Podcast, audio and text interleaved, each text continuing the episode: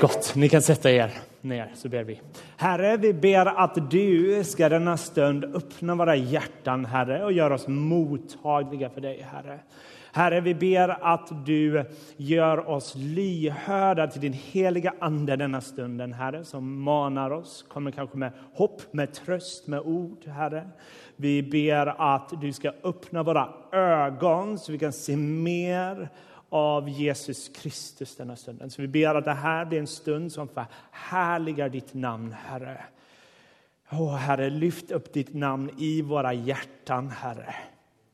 Och låt oss se att du är vårt enda hopp. Amen. Gott. Idag ska jag prata om ämnet om Guds dom. Det är en sån här härlig adventstema. Eh, och ni kanske undrar varför en så här mysig andra advent när barn tänder ljus och vi förbereder oss inför julen så väljer vi att prata om Guds dom. Och jag vill att vi ska brottas med det här konceptet. För jag, min bön är att vi ska se denna stunden att Guds dom är faktiskt goda nyheter och är fundamentala för Bibelns berättelser. I alla tider har kristna insisterat att det här är faktiskt en central del av vad evangeliet talar om. Det är med i våra trosbekännelser där de talar om att Jesus ska komma tillbaka och döma levande och döda. Vad innebär det? Var finns det för evangelium och hopp i sådana ord? Och jag tror att advent, rent historiskt, perioden advent har inte varit bara en, en gullig liksom, förberedelseperiod precis innan julen. Utan advent, rent historiskt, har inte varit en liten smygstart inför julen. Den har något eget att säga och det har historiskt sett handlat om vad det innebär att Jesus faktiskt är domare och att det är vårt hopp. Så det är min bön att vi ska se att sanningen att Jesus är en domare är faktiskt hoppfullt. Det är någonting hoppfullt, det är del av vårt hopp. Och vi vill inte ha ett evangelium utan det där. Så advent, rent historiskt, har varit en period som börjar i mörkret Vädret är med oss under advent för att tvinga oss att brottas med vissa saker. Så rent historiskt har kyrkan tvingats att brottas lite mer intensivt över mörkret i världen under denna perioden.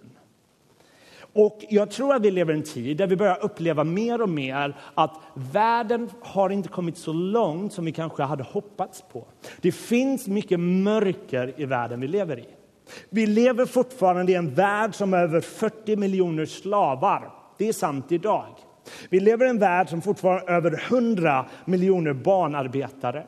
Vi lever i en värld där det finns trafficking, vi lever i en värld där rika blir rikare, fattiga blir fattigare. Vi lever i en värld där de som har makt beskyddar de andra som har makt på bekostnaden av de förtryckta.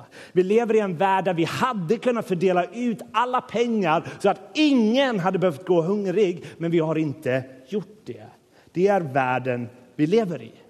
Och mörkret kan vara överväldigande. Den kan kännas nästan ostoppbar när man konfronteras med den. Och advent kan vara en period där vi vill distraheras från det här. Medan jag tror att, att rent historiskt har kyrkan velat konfrontera mörkret och velat lysa med ett ljus som är evangeliet. För när man ser ut i världen, när man läser tidningar, man hör om hemska saker som sker, så kan man ställa sig frågan, vart är världen på väg? Vilken riktning?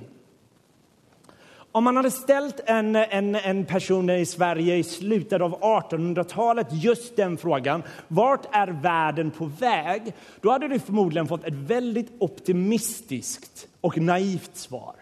För i slutet av 1800-talet så var man övertygad om att 1900-talet skulle bli det mest fredliga århundradet i världshistorien. Man hade gjort otroliga upptäckter i vetenskap och man tänkte att vetenskap är nu människans frälsning. Så 1900-talet kommer bara komma med nya uppfinningar så krig kommer inte finnas mer. Det var hoppet inför 1900-talet. Och många av de liksom intellektuella eliterna de sa vi måste kasta bort den här idén om Gud, eh, för Gud har bara stoppat oss. Låt oss istället ta hans plats. Låt oss bli gudar och skapa denna fred. Men efter 1900-talet så kan vi se att det där var inte sant. Det var det blodigaste århundradet i världshistorien. Fler människor har dött i krig under 1900-talet än alla andra århundraden kombinerat. Vetenskap var absolut en grej som ledde till massa välsignelser men också massa förbannelser. Atomvapen, kemvapen, alla möjliga saker. Det visade sig att vetenskap inte kunde vara världens frälsare. Idag tror jag ofta att vi tror att politik är världens frälsare. Bara få in rätt system så kommer allting lösa sig. Återigen, politik är jättebra grejer och, och vi borde liksom vilja se vår stad blomstra så mycket som möjligt. Men jag tror att vi håller på idag också upptäcka att politik är en värdelös frälsare. För även politik tycks inte kunna etablera den här friden och det här samhället vi längtar efter. Vetenskap och politik är välsignelser, men de är dåliga frälsare. Vi behöver någonting annat som kan göra upp med mörkret i världen och i våra hjärtan. Och det är här jag tror att sanningen om att Jesus är en domare är vårt hopp. Det är vårt enda hopp. Vi i väst är inte så vana med att prata om Gud som en domare. Och vi är inte vana med att prata om det som något positivt. Vi föredrar att prata om att Gud är kärlek och vi ser ofta Guds dom som motsatsen till hans kärlek och tycker dom och kärlek är oförenligt. Men detta är inte vad kristna har trott i 2000 år. Märkligt nog, i andra samhällen, i andra århundraden har man haft en helt annan uppfattning om just detta. Vid advent har man hyllat Jesus, inte primärt för att han är en liten söt bebis som föds bland massa djur, men för att han är en mäktig domare och ondskan kan inte röra honom. Så här läste vi några verser i psalm 96. Säg bland folken, Herren är kung, världen står fast och vacklar inte. Han ska döma folken med rättvisa. Himlen ska glädjas och jorden fröjda sig. Havet ska brusa med allt som fyller det. Marken ska jubla med allt som den bär. Skogens alla träd ska ropa av fröjd inför Herren, för han kommer. Han kommer för att döma jorden. Han ska döma världen med rättvisa rättfärdighet och folken med sin trofasthet. Hör ni vad det här psalmisten säger? Den beskriver hur hela skapelsen längtar efter sin domare. Den ropar vår Gud är på gång. Slaveriet, mörkrets tid är snart över, för vår Gud är på gång. Gud som domare är hopp enligt Bibelns berättelse. För när vi ser ut i världen och ser mörkret så kan det väldigt enkelt, man kan känna med hela sitt väsen att, att när man ser ut i världen så är inte världen vad den är tänkt att vara. Men hoppet om Jesus som ska komma tillbaka som domare är ja, världen är inte som den borde vara, men en dag kommer den bli det. Och det är ostoppbart, för det är Jesus som är kung. Männen i maktpositioner, varenda förövare, varenda mörker skall stå till svars inför ljuset. För när vi möter mörkret i världen, det här jag pratade om innan, 40 miljoner slavar, 100 miljoner barnarbetare, kvinnor som förtrycks, då behöver vi bättre nyheter än en Gud som är oberörd och säger det är lugnt. Vi behöver en Gud som vill sätta stopp för ondskan. Världen som vi lever i är inte som den var tänkt att vara. Den är inte som Gud skapade den. Det var inte tänkt att vi skulle höra dåliga nyheter varje dag. Det var inte tänkt att världen skulle vara fylld med jordbävningar, tsunamis, sjukdomar och krig. Cancer var inte del av vår faders plan för denna världen. Den värld han skapade var inte bruten eller fallen utan han förklarade den som mycket god. Världen han skapade hade inte terrorister, mördare, våldtäktsmän som gick på gatorna. Är det då inte goda nyheter att ondskan ska inte få ha sista ordet? Men vi kanske undrar, om Gud är en domare, hur är det här kopplat till hans kärlek? Kan någon som är kärleksfull döma? Och för oss kan det vara frustrerande att läsa Bibeln när det beskrivs att Gud är arg och vred. Och vi kanske tycker det är svårt att förena de här koncepten. Hur kan Gud vara kärleksfull och vred? Och jag vill bara återigen säga att människor som har förföljts hela sitt liv, som sett familjemedlemmar mördas, torteras och hemskare saker, de kommer inte vara imponerade med budskapet att Gud blundar för mörkret i världen. Låt mig bara citera en text som har betytt väldigt mycket för mig från en jugoslavisk teolog som heter Miroslav Wolf som hade problem med tanken att Gud skulle kunna vara vred. Sen kom han till insikt om en sak. Så här står det. Förr trodde jag att vrede var ett beteende ovärdigt Gud. Är inte Gud kärlek? Borde inte gudomlig kärlek stå över vrede? Gud är kärlek och Gud älskar varje person och varje varelse. Men det är precis därför Gud visar sin vrede mot några av dem. Mitt sista motvärn mot tanken på en vred Gud om inte gjordes av kriget i före detta Jugoslavien, den region där jag kommer ifrån. Enligt vissa uppskattningar så dödades över 200 000 människor och över 3 miljoner blev fördrivna. Mina byar och städer var förstörda. Mitt folk skadades dag in och dag ut. Några av dem blev mer brutalt behandlade än det går att föreställa sig. Och jag kunde inte föreställa mig en Gud som inte var arg. Eller tänk på det sista årtiondet, på det förra århundradet i Rwanda där 800 000 människor huggs till döds under loppet av 100 dagar. Hur reagerade Gud mot detta blodbadet? Genom att dalta med förövaren som en morfar, genom att vägra att fördöma blodbadet och istället bekräfta förövarnas grundläggande godhet. Var inte Gud enormt arg på dem? Även om jag brukade klaga på hur oanständig tanken på Guds vrede var så har jag kommit till insikt att jag skulle vara tvungen att göra uppror mot en Gud som inte fylldes av vrede när han såg världens ondska. Gud är inte vred trots att han är kärlek. Gud är vred därför att han är kärlek. Alltså det är på grund av vår Gud är så god och älskar det som är gott och vackert som gör att han reagerar mot det som är ondskefullt. Det är på grund av att Gud är så kärleksfull som han vill sätta, eh, stoppa ondskan och mörkret. Och det är därför det svaga, de förtryckta, de förkastade, de förföljda har alltid funnit ett orubbligt, orubbligt hopp att vår Gud är på gång och han kan inte stoppas. Därför har liksom slavarna, när de har eh, plågats av sina hemska liksom slavherrar jublat av att de inte har sista ordet. Men vår Herre har det sista ordet att i denna världen kommer inte perfekt rättvisa ske. Vi kan kämpa så att mer rättvisa sker, men perfekt rättvisa sker inte i denna världen. Men i nästa värld kommer det. Därför kallar Jesus oss att inte hämnas på våra fiender, inte förtrycka dem. Vi lämnar det i Guds händer och ber för dem.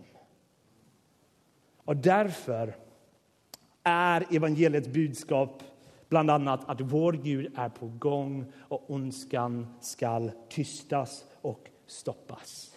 Mörkret ska utrotas från Guds skapelse. Är inte det goda nyheter? Är inte det goda nyheter? Inklusive de korrupta delarna i mig ska försvinna genom hans nåd och barmhärtighet. Och därför har kristna... Det, hela Bibeln avslutas med en liten bön som heter Maranafa. Kom, Herre Jesus. Uppenbarelseboken slutar med det. Och Det är en kort bön som handlar om allt.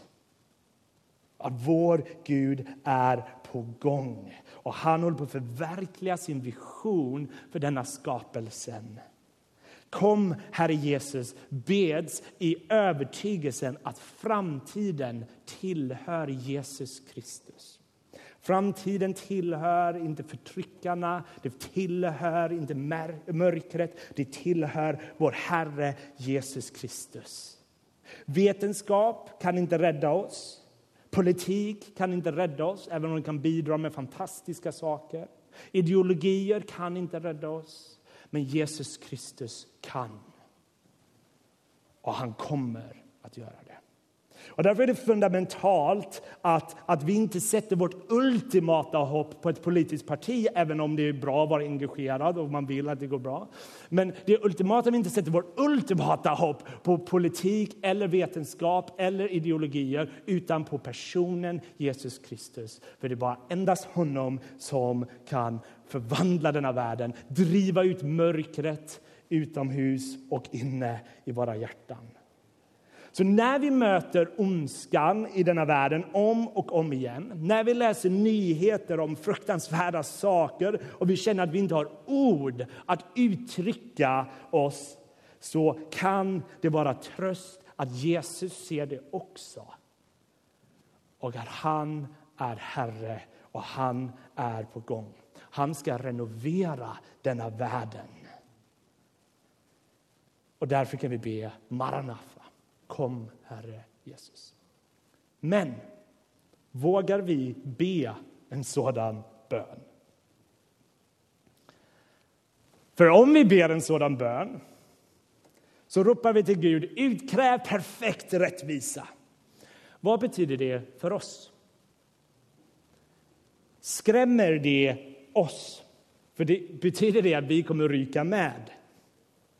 För Bibeln insisterar på att vi alla har deltagit i, i orättfärdiga gärningar. Vi alla har deltagit i, i, i egoism, i mörker, manipulera, manipulera människor på olika sätt. Som kan göra det skrämmande att vilja be, kom Herre Jesus.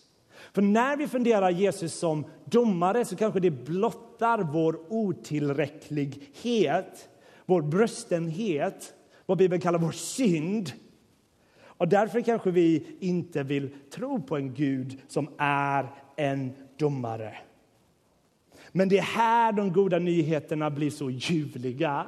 För det betyder att det Jesus är var inte bara var en domare, utan han var en frälsare. Han dog för de ogudaktiga, beskrivs det i Bibeln. Evangeliet handlar om att Jesus tar synden på allvar.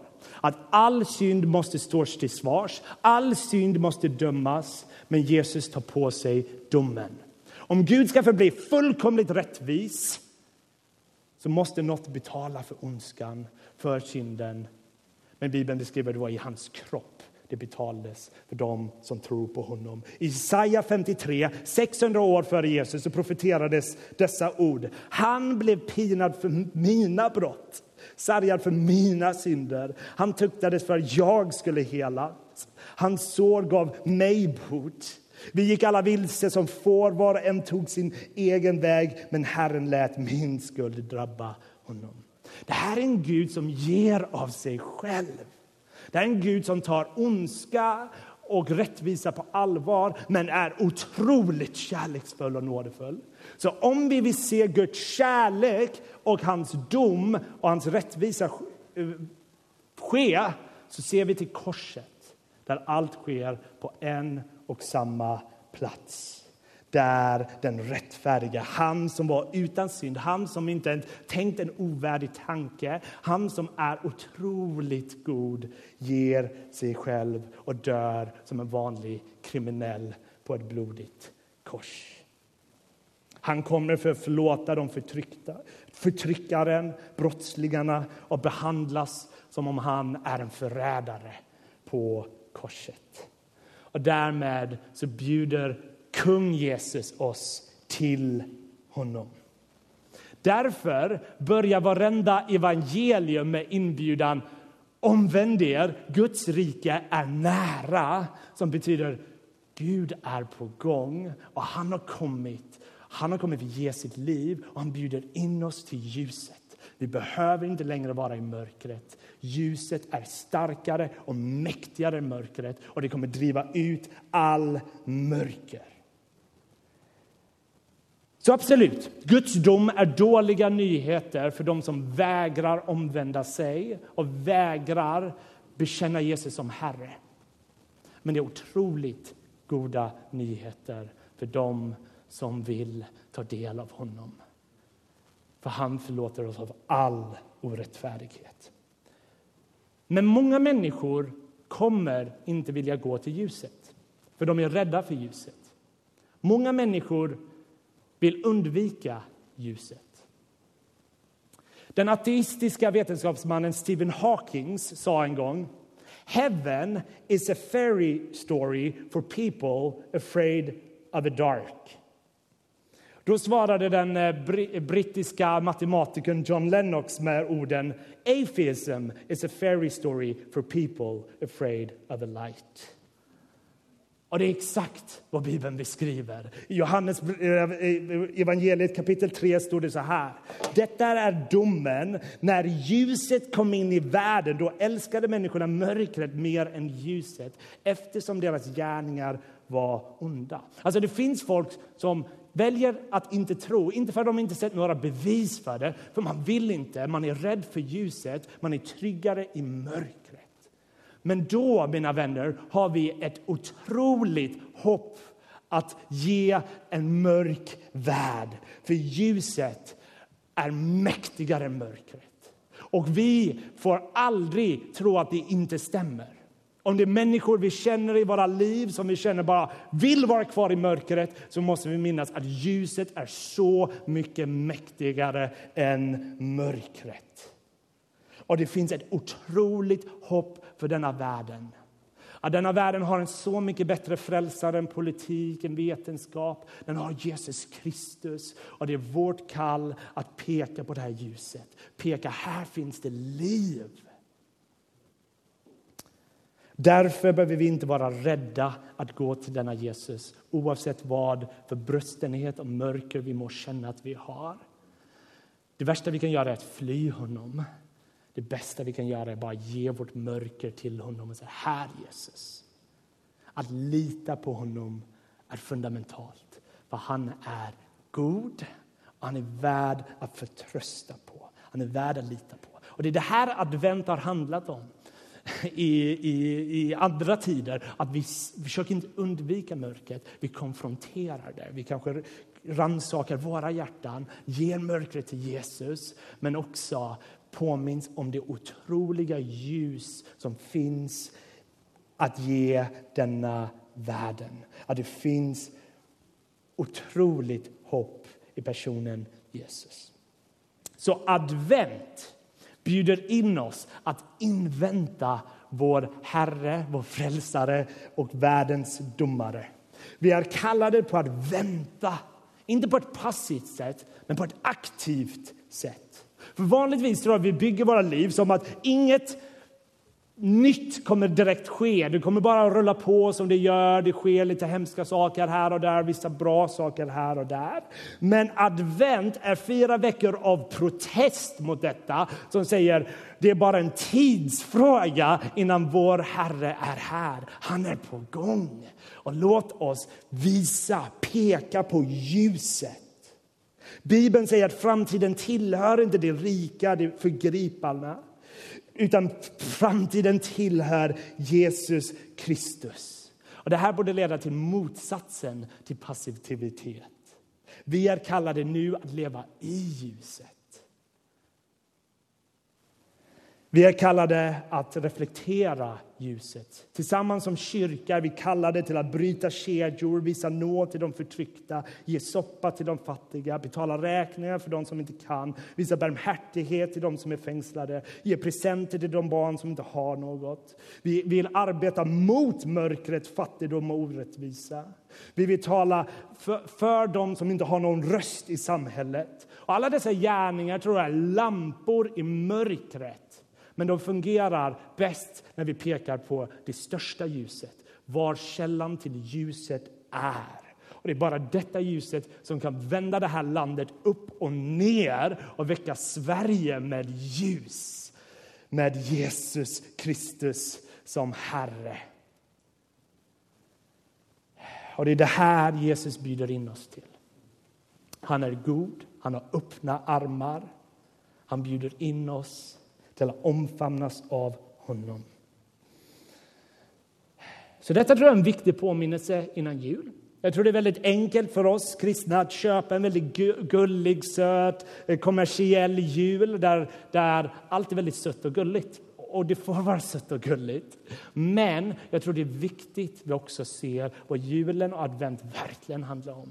Vår Herre är kung och han har besegrat de mörka krafterna. De är besegrade makter. Låt oss proklamera denna seger i denna världen. Visa att ljuset har segrat och övervunnit mörkret. Det är goda nyheter. Och det är det vi hoppas på. Och det är det vi vill bjuda in folk till. Att Gud kommer bort, stoppa ondskan, kom in i ljuset. Låt han lysa med sin kärlek på oss. Låt oss be att Gud gör detta verk i våra hjärtan. Herre, vi tackar dig att du är god, Herre. Jag ber för mina bröder och systrar som, eh, systrar som kanske har varit rädda när det kommer till frågan om din dom, Herre. Jag ber nu att du ska väcka hopp i deras hjärtan, att din kärlek ska driva ut rädslan och att vi ska känna att vi har inget att frukta när vi kommer till dig, för du är vår barmhärtiga Herre. herre. Vi ber också för våra eh, vänner som inte känner dig, Herre. Vi ber att ljus ska lysa in i deras hjärtan, Herre. Herre, vi ber också av nåd att du låter oss reflektera ditt ljus, Herre. Vi görs lyhörda till din heliga Ande, Herre. Vi ber att vårt land har fått se för mycket mörker, så vi ber att ditt ljus ska få triumfera på ett sätt som det aldrig skett här, Herre. Vi ber att ditt namn ska bli upphöjt, Herre. Och väck oss med glädjefylld om att du är på gång denna advent och denna jul som kommer. Och att det får vara det vi mediterar och tänker kring och kontemplerar. Att du är Herre. Amen.